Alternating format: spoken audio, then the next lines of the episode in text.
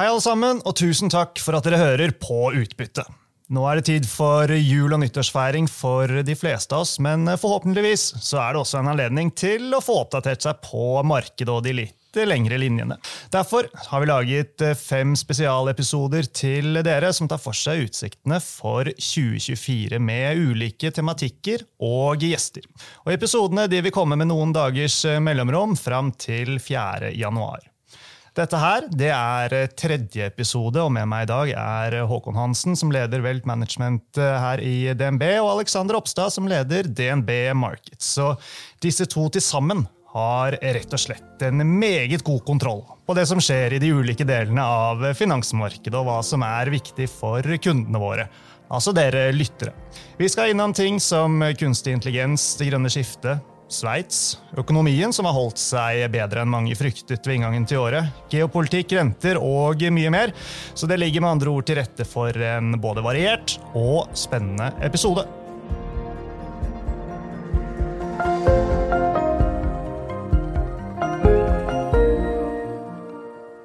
Velkommen til eh, Utbytte. DNB-podkasten der vi forklarer hva som skjer innen global økonomien og eh, finansmarkedene. Jeg er Marius Brun Haugen, og med meg har jeg også Håkon og Alexander. Velkommen i studio, begge to.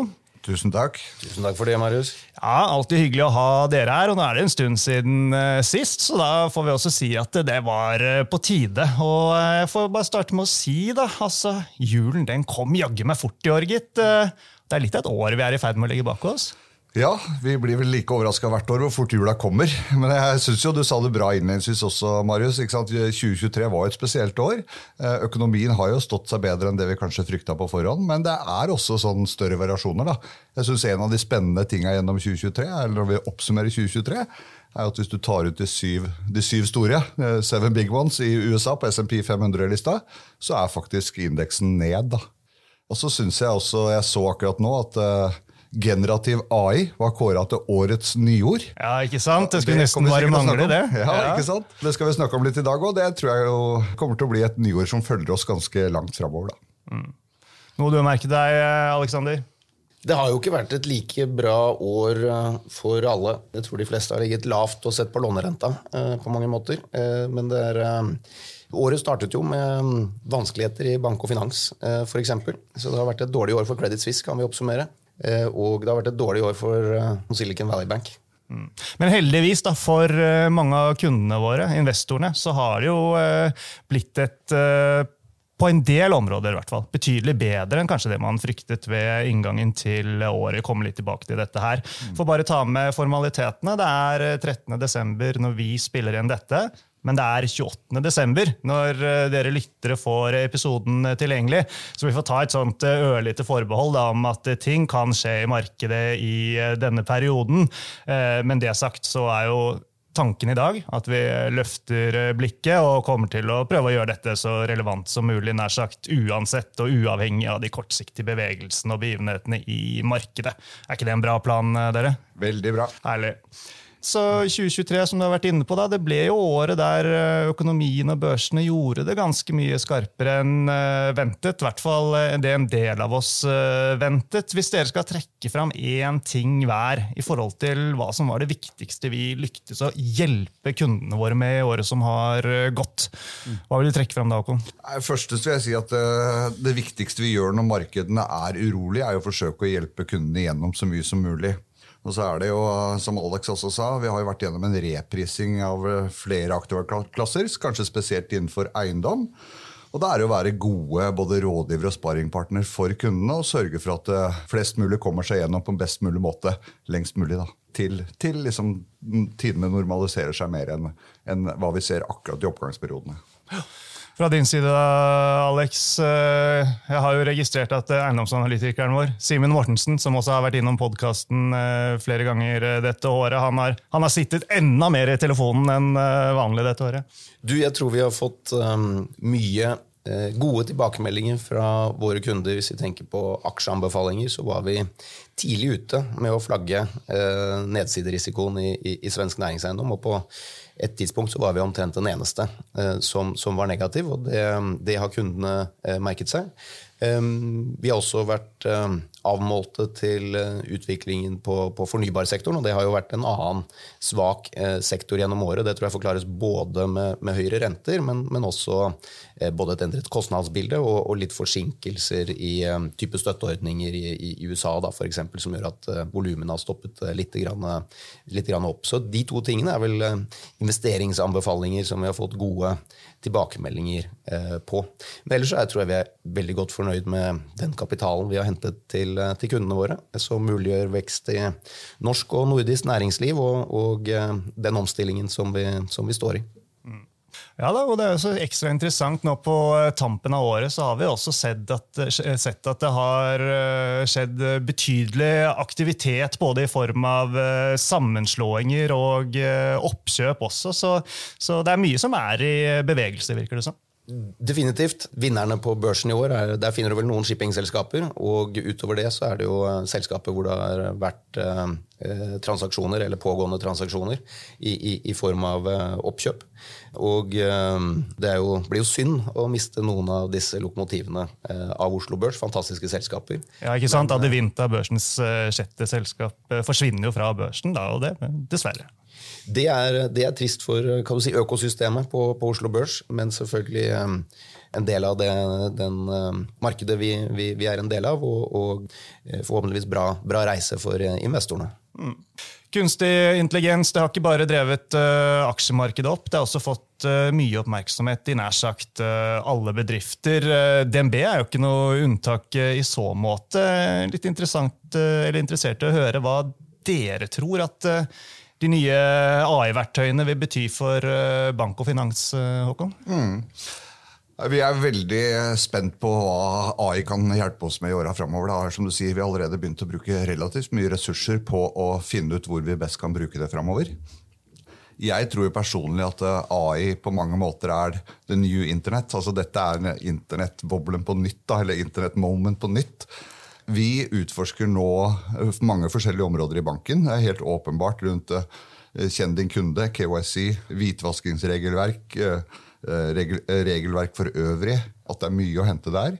Vi ser også på type presentasjoner og også rundt kundebetjening da, at AI kommer til å være en, en meget spennende medspiller for oss i åra framover.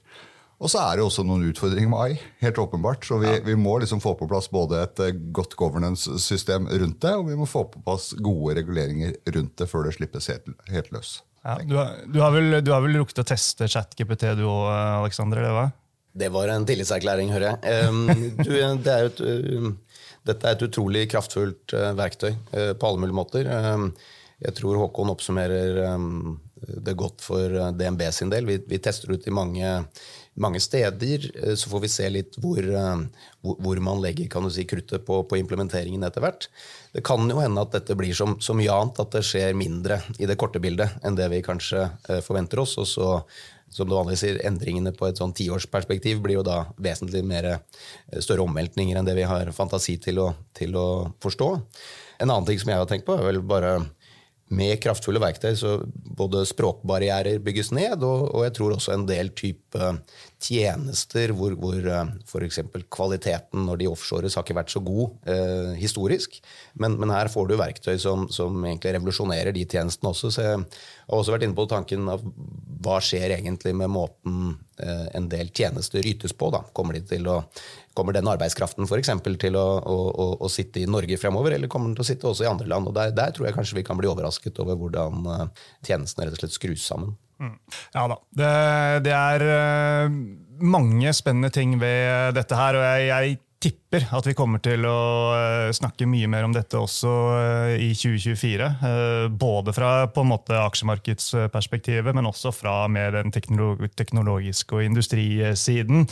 Jeg har spilt inn en egen episode på dette her, som eh, kommer 1.1.2024. Eh, og eh, Den er bl.a. med Erling Tune fra Teknologifondet, en av forvalterne der. Og Jeg kan vel allerede røpe nå at han sier at han tror 2024 kommer til å bli et ellevilt år med tanke på AI-teknologien og de nye tjenestene som eh, kommer.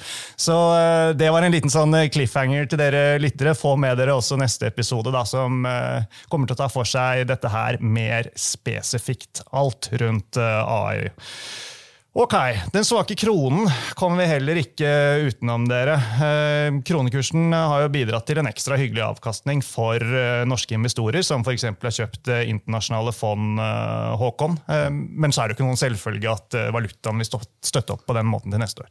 Nei, absolutt ikke. Får vel nesten si for ikke nesten ikke håpe det. Altså, vi kan ikke fortsette å få en forsvekkelse av krona i det nivået vi har sett det siste året i åra framover. Da blir det dyrt å dra på ferie, og det blir dyrt å importere varer etter hvert for, for oss i AS Norge framover. Så nå har vel vi eh, mange, mange flinke makroøkonomer her på bygget som eh, regner på hva krona skal være.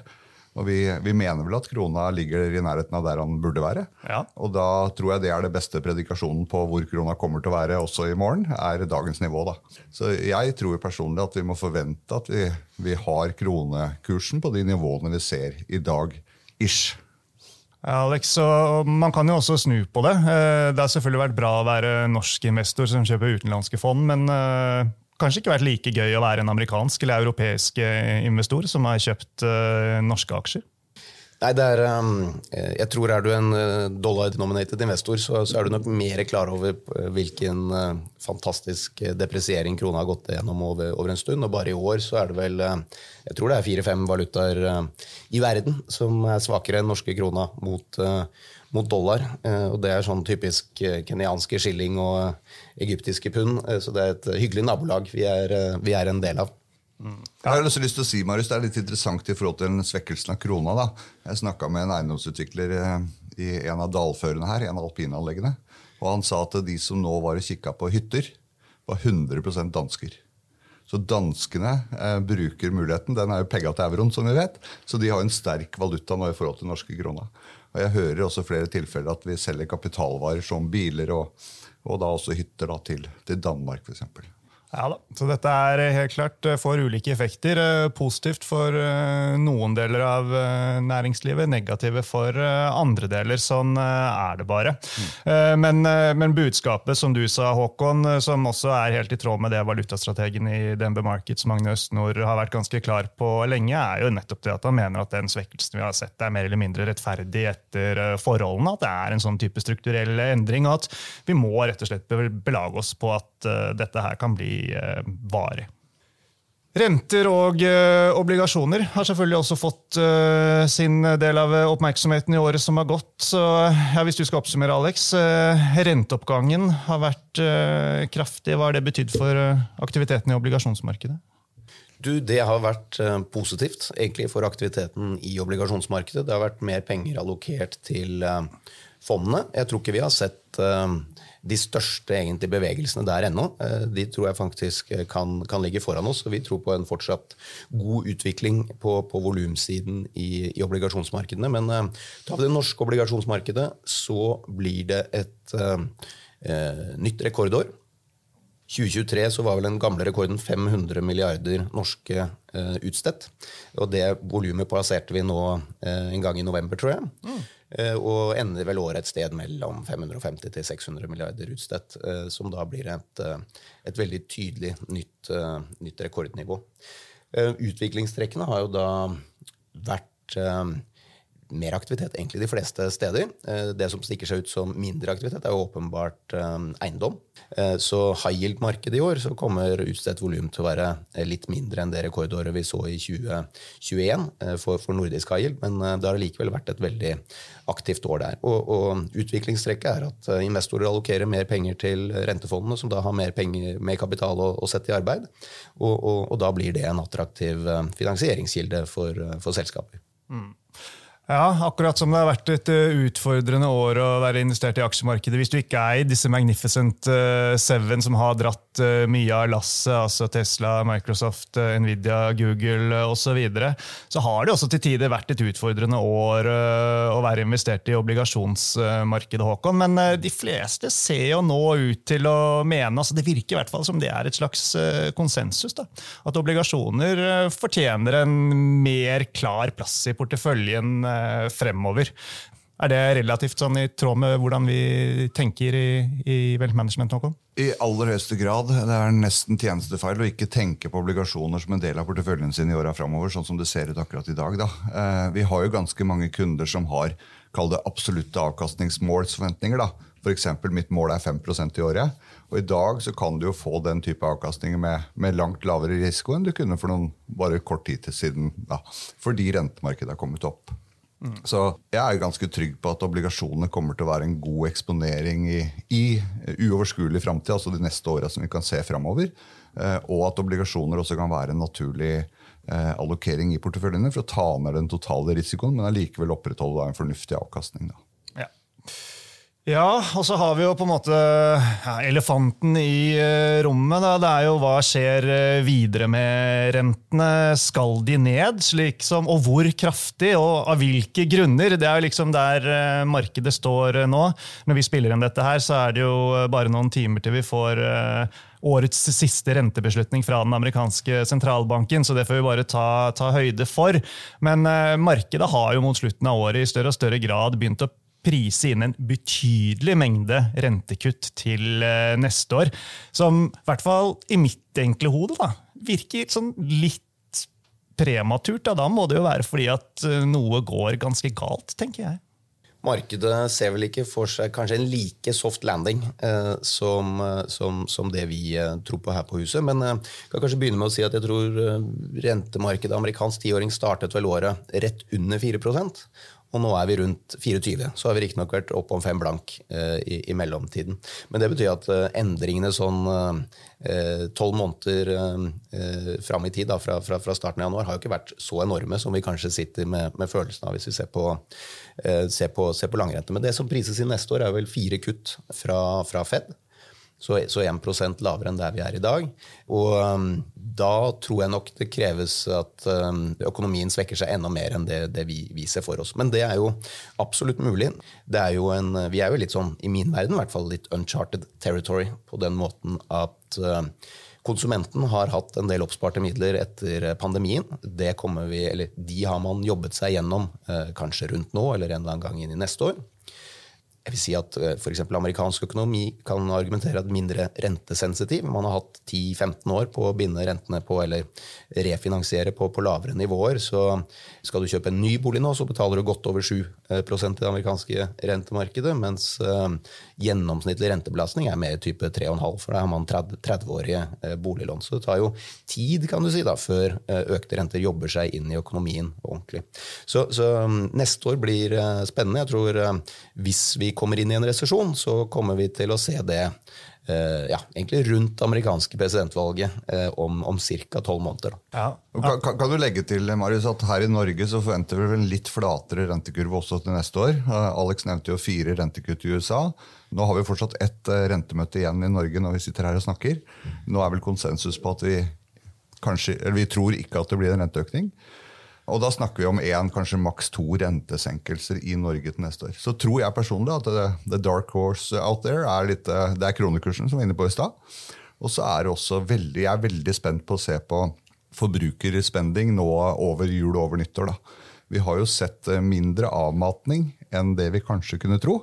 Men det er også riktig i forhold til teorien, da, fordi pengepolitikken tar litt lengre tid før den virker.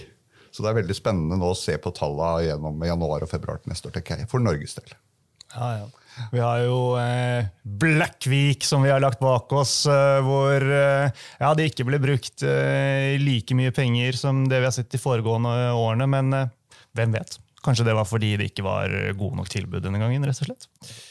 Uansett, slik bildet ser ut nå, da, ehm, skal vi si at det er mer viktig enn på lenge å spre investeringene sine utover ulike aktivaklasser? Eh, Håkon?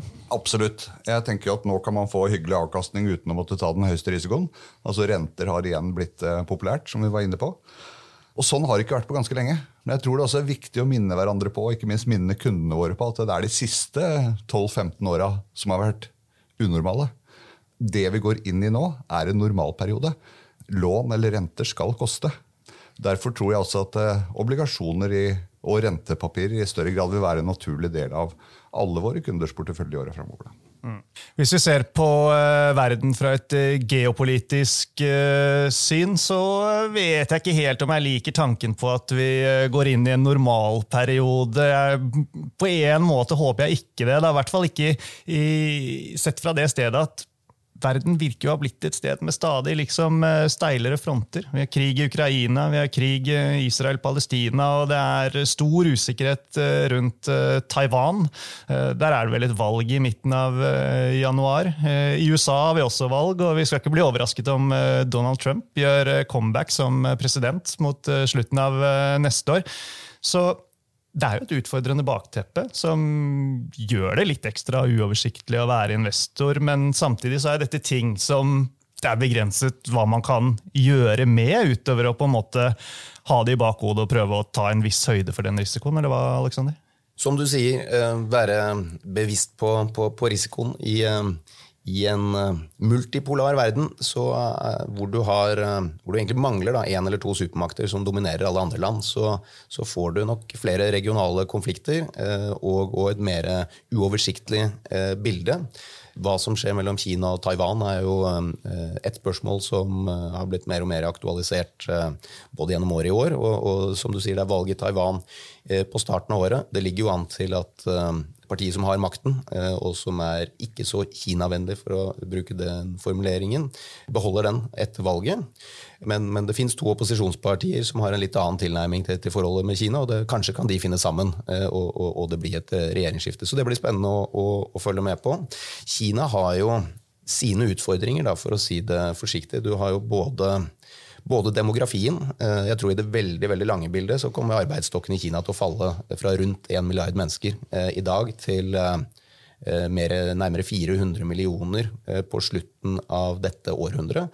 Så du har jo en en utfordring eh, i så måte. Så har du den økonomiske modellen som har vært veldig avhengig av eh, investeringer. og Du ser at du får ikke den samme avkastningen på de investeringene. Mange snakker om eiendom, men dette gjelder også eh, at man har nok utmattet en del infrastruktur og andre type investeringer. Så du må, du må redefinere den økonomiske modellen eh, på mange måter, og det, det blir nok en eh, mer smertefull prosess.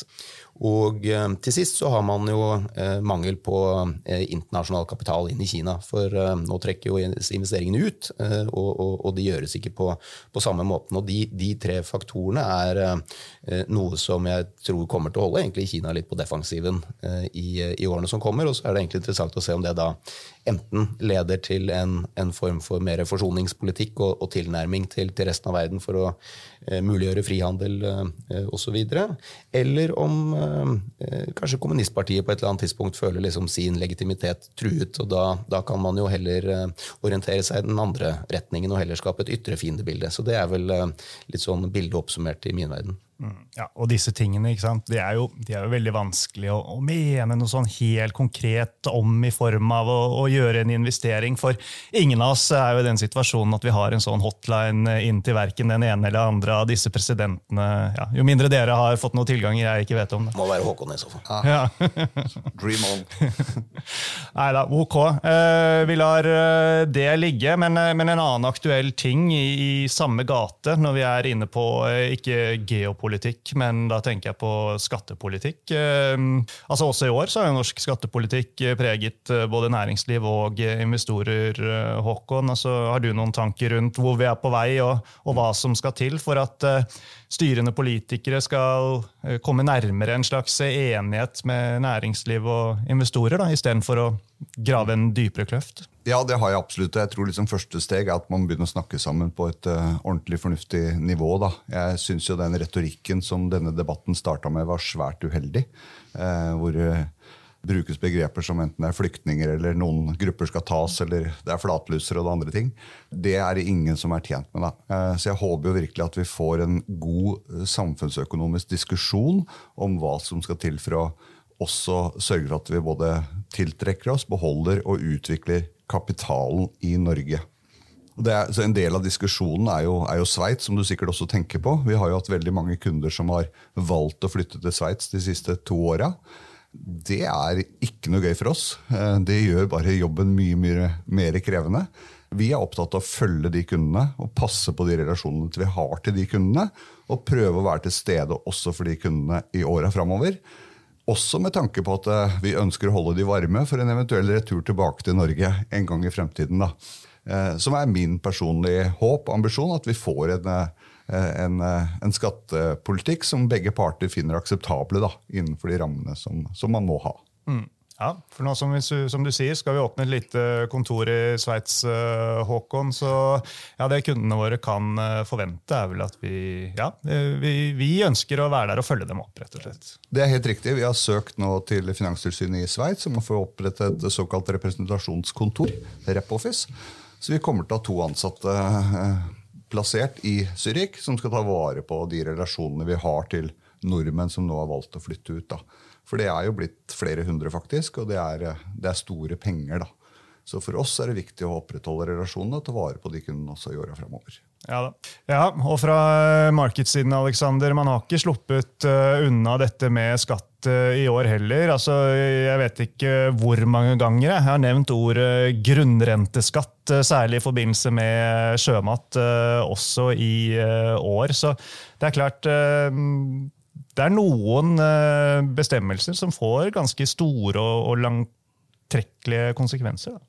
Det som i hvert fall er sikkert, er at uh, Norge skal gjennom en ganske stor omstilling. 40% av BNP er fra olje- og gassektoren. Og det vi vet, er at uh, det forholdstallet kommer ikke til å være sånn om, om 20 år. Så jeg, jeg tror det å, det å skattlegge de næringene som forhåpentligvis noe av Eh, som skal ta eh, olje og gass sin plass. F.eks. eksempel vindkraft er jo kanskje ikke den beste timingen i min verden. Men denne debatten kommer sikkert til å fortsette å gå. Ja, helt, helt sikkert. Det har vært ganske tydelige forskjeller i året som har gått når det gjelder prising av børs. Eh, og prising på børs. Eiendom og fornybar energi er liksom to eksempler på sektorer som har blitt trukket kraftig ned. Særlig fornybar energi i år, altså på, på børsen. rammes jo selvfølgelig av disse økte rentene. Vi har private equity som er på vei inn i pensjonssparingene, og oljefondet som skal utvide mandatet sitt til å inkludere private equity. Så det jeg lurer litt på, er om dere har noen tanker rundt uh, dette her med hvorvidt det er bedre å være på børs enn av børs, som uh, noen hevder? Håkon? Ja, Det er vel et uh, meget vanskelig spørsmål. Jeg tror det har sine klare fordeler å ha uh, mest mulig modne selskaper i hvert fall på børs. Og så har vi sett det litt mer krevende i perioder med å ta for mange umodne selskaper på børs. Det skaper en ekstra volatilitet. Det har vi sett på Euronext Growth spesielt. Men, eh, men, skal vi ha et velfungerende kapitalmarked i et eh, land som Norge, så, så, trenger vi at børsen er fungerende. Og for å få børsen til å fungere, så trenger vi selskaper som er gode der. Da. Så eh, jeg sier tommel opp for, for, for børs. Ja takk. Ja da. Vi trenger begge deler. Det sagt, Alexander, altså året som har gått, det har jo ikke vært så mange nye noteringer, dessverre. Nei, um, og, og, noe annet var vel heller ikke å vente etter den utrolige bølgen uh, som var fra midten av 2020 og, og, og ut 2021.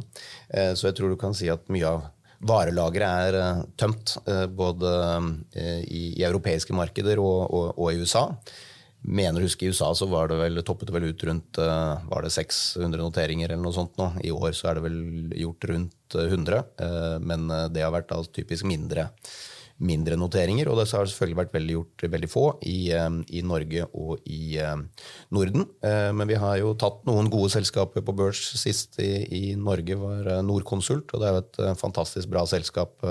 Kursen har utviklet seg positivt, så jeg tror de, de få børsnoteringene som er, er jo verdt for folk å, å, å titte på, tror jeg da. Ja, og Når du sier Norconsult, så får jeg bare passe på å nevne at uh, vi hadde Egil Hogna, som er uh, sjefen der, uh, innom for en oppdatering i studio. Så for de av dere som har lyst til å bli kjent med Norconsult, så er det bare å gå inn i aksjehandelsplattformen og, søke opp Norconsult. der så finner dere en videooppdatering hvor dere blir kjent med de på, på ca. 20 minutter. Ok, innenfor Nybar, som sagt, så har det vært tungt på børs. Men det er kanskje også derfor man skal vurdere å kjøpe. Vi får la den uh, ligge litt. Uh, men DNBs grønne ambisjoner de står fast. Gjør det ikke det, Håkon? Det gjør de absolutt. Vi har jo lansert vår transisjonsplan uh, her på høsten.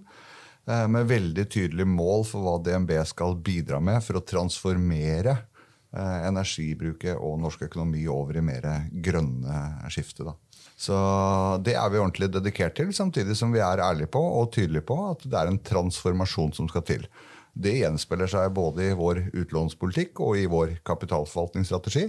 Vi ønsker i større grad transformasjon og i mindre grad eksklusjon.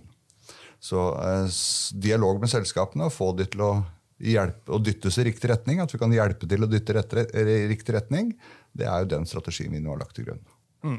Og fra investeringssiden, altså eh, kundene våre har i hvert fall mange valgmuligheter. Det er et uh, stort utvalg forskjellige typer uh, grønne fond, som jo er klassifisert etter uh, strenge regler.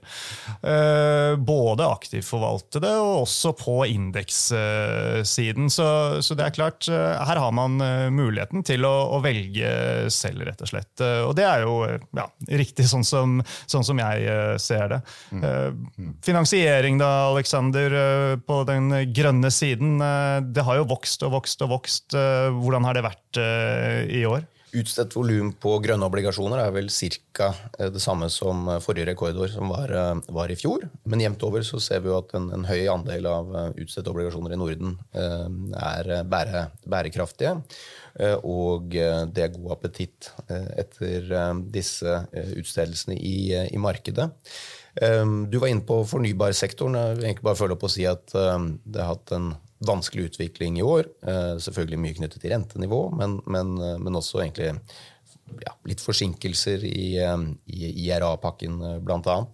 Men den veldig hypen som var i 2020 og 2021, den har jo i hvert fall luften gått ut av, kan vi si. Og det hadde jo ikke vært rart om i år var bunnen for, for den sektoren, og at hva skal vi si, en mer bærekraftig bærekraftstrend vokser ut av det. Da. Så, så, jeg tror det er et interessant område å se på for investor. Ja, jeg, jeg, støtter det. altså Samtidig så tenker jeg det er tre ting investorene eller eh, sparerne skal se på det til grønne skiftet. Det ene er eh, som vi var inne på, at det er en forutsigbar langsiktighet i skattepolitikken.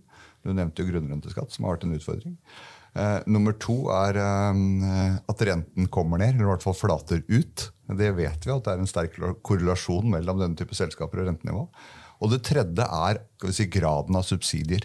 Det er sjelden at sektorer som er i stor grad avhengig av subsidier, klarer å levere meravkastning over tid. Så vi må få vi si, dette opp økonomisk da, bærekraftig over tid før den sektoren blir skikkelig interessant, tror jeg. Mm. personlig. Får bare ta med, I forhold til eh, vindkraft så kom det med en avgjørelse fra myndighetene som er eh, ganske fersk eh, denne uken. Jeg får ta lite forbehold da, med at jeg har slumset litt når jeg leste det, om at grunnrenteskatten der skal ned til 25% fra det tidligere foreslåtte 35% Så det er jo selvfølgelig en liten positiv, vil jeg tro, for mange selskaper i så måte. Ellers så personlig er jeg litt spent på hva som kommer til å skje innen karbonfangst og -lagring ikke noe som jeg har brukt eh, veldig mye tid på eh, her i podkasten, eller fått mye henvendelser fra på kunder i året som har gått, men det har jo begynt å skje litt ting der mot slutten av året, så vidt jeg har fått med meg. Så, så det skal bli interessant å se til neste år, om det, det skyter mer fart innen det området. da. Men ok. Eh, pensjon, Håkon. Eh, det er ikke det vi snakker mest om til vanlig her i Utbyttepodkasten. Men eh, veldig kort, altså, hvordan kommer kundene til å merke at vi kommer til å gi dem et enda bedre tilbud i 2024? For vi gjør vel det? Absolutt, det gjør vi. Jeg syns det er morsomt at du tar opp det, for det er jo underkommunisert til pensjon. Og så er sannheten at for de fleste så er en større andel av finansformuen i pensjon enn i andre typer sparemidler. Det er mer penger samla sett i pensjonssparing for den norske befolkning enn hva vi har spart i fond, f.eks. Så har vi hatt noen pensjonsreformer, bl.a. at nå er det innskuddspensjonsordninger. og Du nevnte det i stad, vi utvikler jo også innskuddspensjonsporteføljene. Vi har allerede eh, implementert noe eiendom, og vi har også implementert noe private equity for å hente likviditetspremier inn i den type produkter. Så Vi kommer til å fortsette å utvikle produktene, og så har det også blitt mulighet for såkalte selvvalgte løsninger. Veldig spennende. Eh, vi ser dessverre at eh, det er for mange som velger selvvalgt som ikke burde gjort det. Altså Man velger selvvalgte porteføljer som er lik de bedriftsbetalte, men ved å gå til selvvalgt så betaler man en høyere pris. Så jeg vil jo eh, egentlig komme med to oppfordringer. Det ene er at eh, man sørger for å ha høy nok eller riktig aksjeandel i porteføljen sin. Det sjekker man i nettbanken. Eh, og nummer to, at man tenker seg godt om før man velger selvvalgt og virkelig vet hva man gjør da, og har lyst til å forvalte penga på egen hånd. Mm. Får jeg spørre deg, Alex, Har du husket å klikke på den knappen som gjør at du får 100 eh, eh, aksjeeksponering på pensjonen din? Den er i hvert fall selvvalgt. Og um, akkurat nå ligger den ikke på 100, for nå rentene betaler såpass bra for, i min verden. Så um, jeg husker faktisk ikke allokeringen. men den... Uh, du har vært inne og tatt et aktivt valg, det er jo det viktigste her. Og jeg støtter oppfordringen fra Håkon her, selvfølgelig. Mm, bra. bra. Uh, vi nærmer oss uh, slutten, men uh, jeg tenkte at vi må jo også innom ja, dette med rekruttering, eh, kvinner i finans. Vi har hatt eh, Hun investerer, som vi har holdt på med i flere år nå. Som eh, har duret og gått også i år. Og ja, stadig Jeg vil jo si at det blir en større og større suksess, egentlig. Veldig sånn positivt arrangement som det virker som blir godt tatt imot der ute. Men i forhold til DNB som arbeidssted, altså opplever dere at DNB er et minst like attraktivt arbeidssted som før? Det er jo kjempeviktig for, eh, for, oss. Hvis jeg skal begynne litt, så er det jo en tøff kamp om talentene her ute. Det er mange, mange, fine arbeidsgivere i Norge, men jeg føler jo fortsatt at vår attraktivitet er høy. Vi har tilgang på god kompetanse. Og det er som du sier, Marius, vi har jobba bra med mangfoldsdimensjonen over mange år.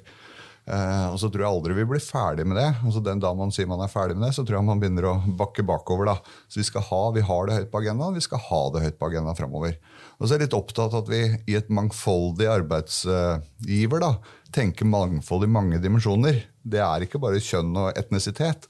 Eh, jeg syns vi har noen kule eksempler. Altså I, i DNB kapitalforvaltning så har vi nå en lege som er en av forvalterne i Helsefondet. Vi har en tannlege som er en av forvalterne i Biotekfondet osv. Det er også mangfoldet i mitt hode. Mm. At vi også tenker hvordan vi setter sammen teamene framover og også rekrutterer andre typer bakgrunn enn oss tradisjonelle økonomer som, eh, som vi gjorde for noen tiår siden. Er vi flinke nok Alex, til å tenke på mangfold og få opp eh, kvinneandelen i frontfinans? Ehm, vi har gjort veldig mye, og så tror jeg flere er enig med meg at resultatene kommer saktere enn det i hvert fall jeg hadde håpet på. Men det betyr jo ikke at man skal gi opp på noen som helst måte. Og særlig så De vi rekrutterer fra skolen, ser vi liksom en, en, form for endring på. Og vi har flere, flere, kvinnelige søkere enn det vi har hatt før. Og det er jo i hvert fall grunn for optimisme. Mm. Ja, i hvert fall hvis jeg skal si hvordan jeg ser det fra, fra min uh, side, altså både her i DNB, men også industrien generelt, så virker det jo som det går i uh, riktig retning. Det er blitt et mye større fokus på disse tingene de siste årene. Uh, og så greit nok, så går det kanskje litt sakte i starten, men vi vet jo hvordan dette kan forløpe seg. da. Sakte, sakte, og så plutselig. sant? Så, så gjenstår det å se da, om vi kommer til plutselig. Ja, eh, Skal vi trekke fram ett eh, arrangement som eh, vi alle tre har vært en del av i året som har gått, så får det bli DNB Invest. Vi la ut debatten som dere ledet på DNB Invest-arrangementet i mars, her i podkasten i etterkant. Da hadde dere med dere Selina Middelfart, Jan Petter Sistner og Dag Hammer. og ja, Den episoden med dere ble faktisk en av de mest lyttede episodene i 2023. Så gratulerer med det. Jeg har litt lyst til å tilby dere jobb som medprogramledere. da. Vi takker ja. ja, ja, ja. Herlig. Men spørsmålet er jo, kommer dere til å gjøre en oppfølger på DNB Invest i 2024? Eh, ja. Svaret er ja. Vi har eh, etablert DNB Invest som en møteplass for eh, våre kunder og investorer i åra framover. Så vi har allerede satt datoen. Holda 22. mai i kalenderen. Da kjører vi neste versjon av DNB Invest. Vi har allerede mange spennende navn på plakaten. Og så skal vi slippe de litt etter hvert når vi har lagd hele programmet. Men altså 22. mai. Vi kan ikke røpe alt uh, da, men eh, du er klar, Håkon, og du også, Alex? Det blir i hvert fall bra på programledersiden. Det kan vi love. Det kan vi love. det er godt å høre. Det er med andre ord mange gode grunner til å se fram til 2024. Eh, og så får vi jo håpe da, Alexander, at det blir et ok år å være investor, tross alt. Hvis økonomien lander på en fornuftig måte, så kommer rentene til å komme ned eh, med, med inflasjonen. og da, da, tror jeg det ligger eh, et godt grunnlag da, for, et, for et OK år. Og så er risikoen at eh, økonomien tipper inn i en resesjon, og at selskapenes inntjening da blir svakere enn det man kan vente. Og da, da kan det fort være 20% nedside i aksjemarkedene, f.eks. Ja. Og uansett hvilken vei det blåser i markedet, Håkon, så skal i hvert fall vi gjøre vårt beste for å være der. Vi skal gjøre vårt beste, og vi har uh, produkter som passer i alle typer markeder framover, tenker jeg. Så med det så uh, får vi uh, runde av for i dag, så da gjenstår det bare å si tusen takk, Alexander og Håkon, for at dere tok dere tid til å være med. Og sist, men ikke minst, tusen takk folkens til alle dere som hørte på. Ha en fortsatt riktig god jul og et godt nytt år.